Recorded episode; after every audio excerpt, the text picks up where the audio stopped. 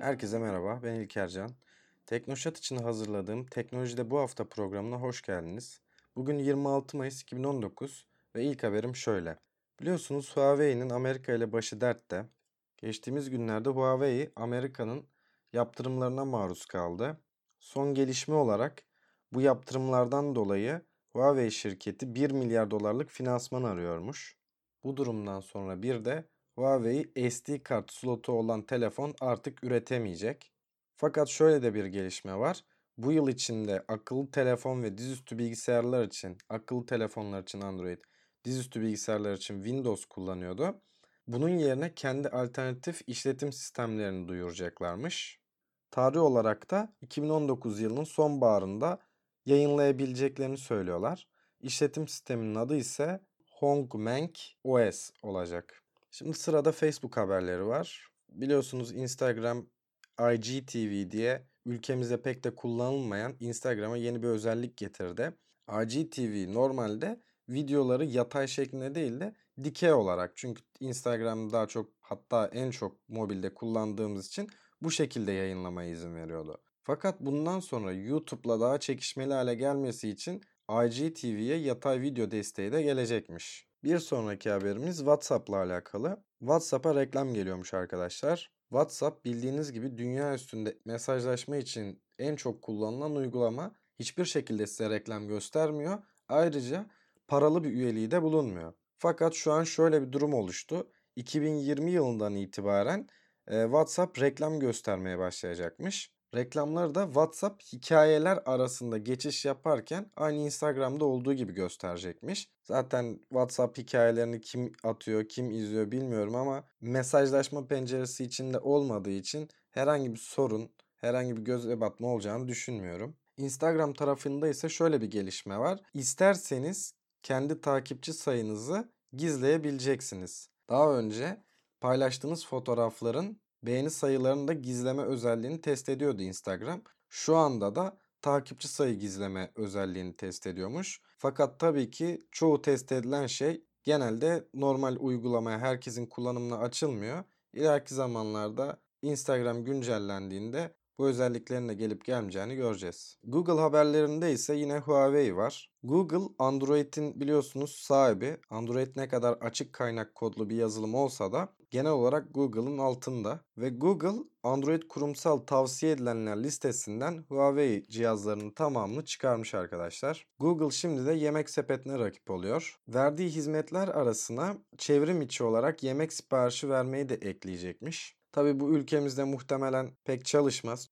Çünkü yemek sepeti bu konuda tam olarak bir tekel. Yani Google'ın ülkemizde pek bu sistemin ilerleyeceğini ya da düzgün çalışacağını pek düşünmüyorum. Fakat yurt dışında başarılı olabilir. YouTube tarafında ise Ağustos ayından sonra YouTube kanallarının abone sayısı tam olarak yuvarlanacak. Bir kanalın sadece 0 ile 1000 arasında olan takipçilerin tam anlamıyla gösterecek. 1000'den sonra ise direkt yuvarlayarak gösterecek. Yani 1560 abonesi olan bir kanalı 2000 olarak 2300 abonesi olan kanalda yine 2000 olarak gösterecek. Samsung haberlerinde ise yine Galaxy Fold var. Amerika'daki büyük teknoloji mağazası olan Best Buy, Samsung Galaxy Fold ön siparişi veren tüm müşterilerin bu taleplerini iptal etti. Nedeni ise Samsung'un bu telefonu ne zaman çıkaracağının belli olmaması.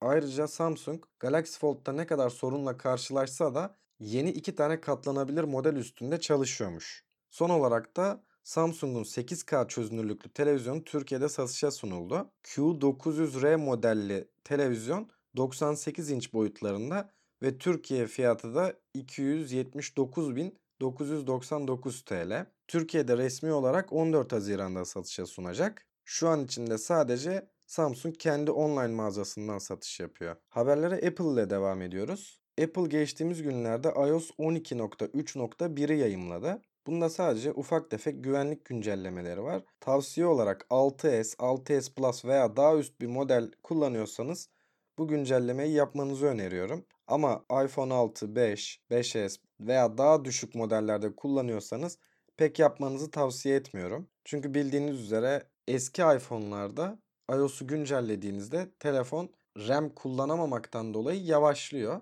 ya da şarjı %20-30'lara geldiğinde telefon bir anda kapanıyor. Bu yüzden eğer eski bir iPhone modeli kullanıyorsanız güncellemenizi tavsiye etmiyorum. Apple WWDC 2019 tarihi de belli oldu. Bu Apple'ın geliştiriciler için verdiği bir konferans. Burada genelde yeni sürüm iOS, macOS, tvOS ve watchOS platformlarını tanıtıyor. 3-7 Haziran tarihlerinde gerçekleşecek konferansta muhtemelen iOS 13'ü, macOS 10.15'i, tvOS 13'ü ve watchOS 6'yı duyuracak. Bu duyurduğu yazılımlar da muhtemelen bize 2019 Eylül gibi gelecek. iOS 13 ile ilgili bir haberimiz var. Karanlık mod desteğinin geleceği kesin gibi duruyor. Bunun yanında e-posta uygulamasında değişiklikler yapılacağını, sağlık uygulamasında da büyük yenilikler olacağı tahmin ediliyor. Ve Apple bu yeni duyuracağı yazılımlarda kullandığınız cihazın yavaşlama ihtimali varsa bunu size daha önceden belirtecek. Son teknoloji haberi ise Elon Musk'ın sahibi olduğu Starlink diye bir şirket var. Bu şirket tüm dünyaya yüksek hızda internet hizmeti sağlamaya amaçlıyor. Bu hizmeti ise dünyanın etrafına toplam 12 bin tane uydu göndererek yapacak. Geçtiğimiz günlerde de ilk 60 tane internet uydusunu Falcon 9 isimli uzay aracıyla gönderdi. 2025 yılına kadar bunu sürekli olarak yapıp tüm dünyaya internet sağlamayı planlıyor. Biz ise bu internete bir çanak anten ve alıcı ile bağlanacağız. Bu alıcının fiyatı 200 dolar civarında olacağı söyleniyor. Tabi yine aylık ufak bir ödemesi de olacak. Fakat şöyle bir şey var. Bu internet yüksek hızda ve çok düşük gecikmeli. Yani çok az pingli olacak. Hız konusunda ise en düşük sağlayacağı hız 1 gigabit. Yani 1000 megabit seviyelerinde. Şöyle söyleyeyim. Türkiye'de genel olarak ADSL kullanılıyor. Web ADSL'in hız limiti 8 megabit. Türkiye internet hız ortalaması ise yaklaşık olarak 25 megabit. Biz bu hizmeti kullanmaya başladığımızda Türkiye'de bizim bu hizmeti kullandığımızı düşünürsek en düşük hıza sahip paketi satın alsak bile yaklaşık olarak ortalama kullandığımız internetin 100 kat hızlı versiyonunu kullanmış olacağız. Tabii şöyle de bir durum var. Tüm dünyada internet sağlayıcıları böyle bir projeye karşı nasıl cevap verecekler belli değil. Çünkü Starlink firması hem tüm firmalardan daha ucuz hem de daha iyi hizmet vermeyi planlıyor. Bu proje hayata geçtiğinde neler olacağını hep beraber göreceğiz. Sırada ise oyun haberleri var. Google'ın şu an aktif olmayan Stadia isimli bir oyun servisi var. Bu oyun servisinden kısaca bahsedersem oynayacağınız oyunlar kendi bilgisayarınızda değil de uzaktaki bir Google sunucusunda çalışacak ve size sadece video gibi görüntüsü gelecek. Yani düşük özellikteki bilgisayarlarda bile güçlü sistem gerektirebilecek oyunları çok kolaylıkla oynayabileceğiz. Bu servisin fiyat seçenekleri sisteme eklenecek oyunlarda bu yaz duyurulacak. Sıradaki haber ise Türk Telekom'un dijital oyun platformu Play Store ile alakalı. Play Store Ramazan bayramına özel %80'e varan indirimler yapmış. Bu indirimler 25 Mayıs ve 9 Haziran arasında olacak. Eğer bugünlerde oyun almak istiyorsanız bir göz atmanızda fayda var. Bu haftanın son haberinde ise PUBG Lite'ın Türkiye serverları açıldı. Serverlar 23 Mayıs'ta açıldı. PUBG Lite'dan bahsedecek olursak düşük özellikli bilgisayarlarda bile gayet akıcı oynanmasını sağlıyor. Oyun dosyası ise sadece 4 GB. Normal PUBG'nin oyun dosyaları yaklaşık olarak 30 GB yer kaplıyor. Bu oyunun sistem gereksinimleri ise 2.4 GHz'e ulaşan bir işlemciniz, 4 GB RAM'iniz ve Intel HD 4000 grafik işlemci kartınız varsa bu oyunu rahatlıkla oynayabilirsiniz. Podcast hakkındaki düşüncelerinizi sosyal medya hesaplarımızdan bize iletebilirsiniz. Teknoşat'ı Twitter, Instagram, YouTube, Apple Podcast ve Spotify gibi yerlerden de takip edebilirsiniz. Bir sonraki programda görüşmek üzere.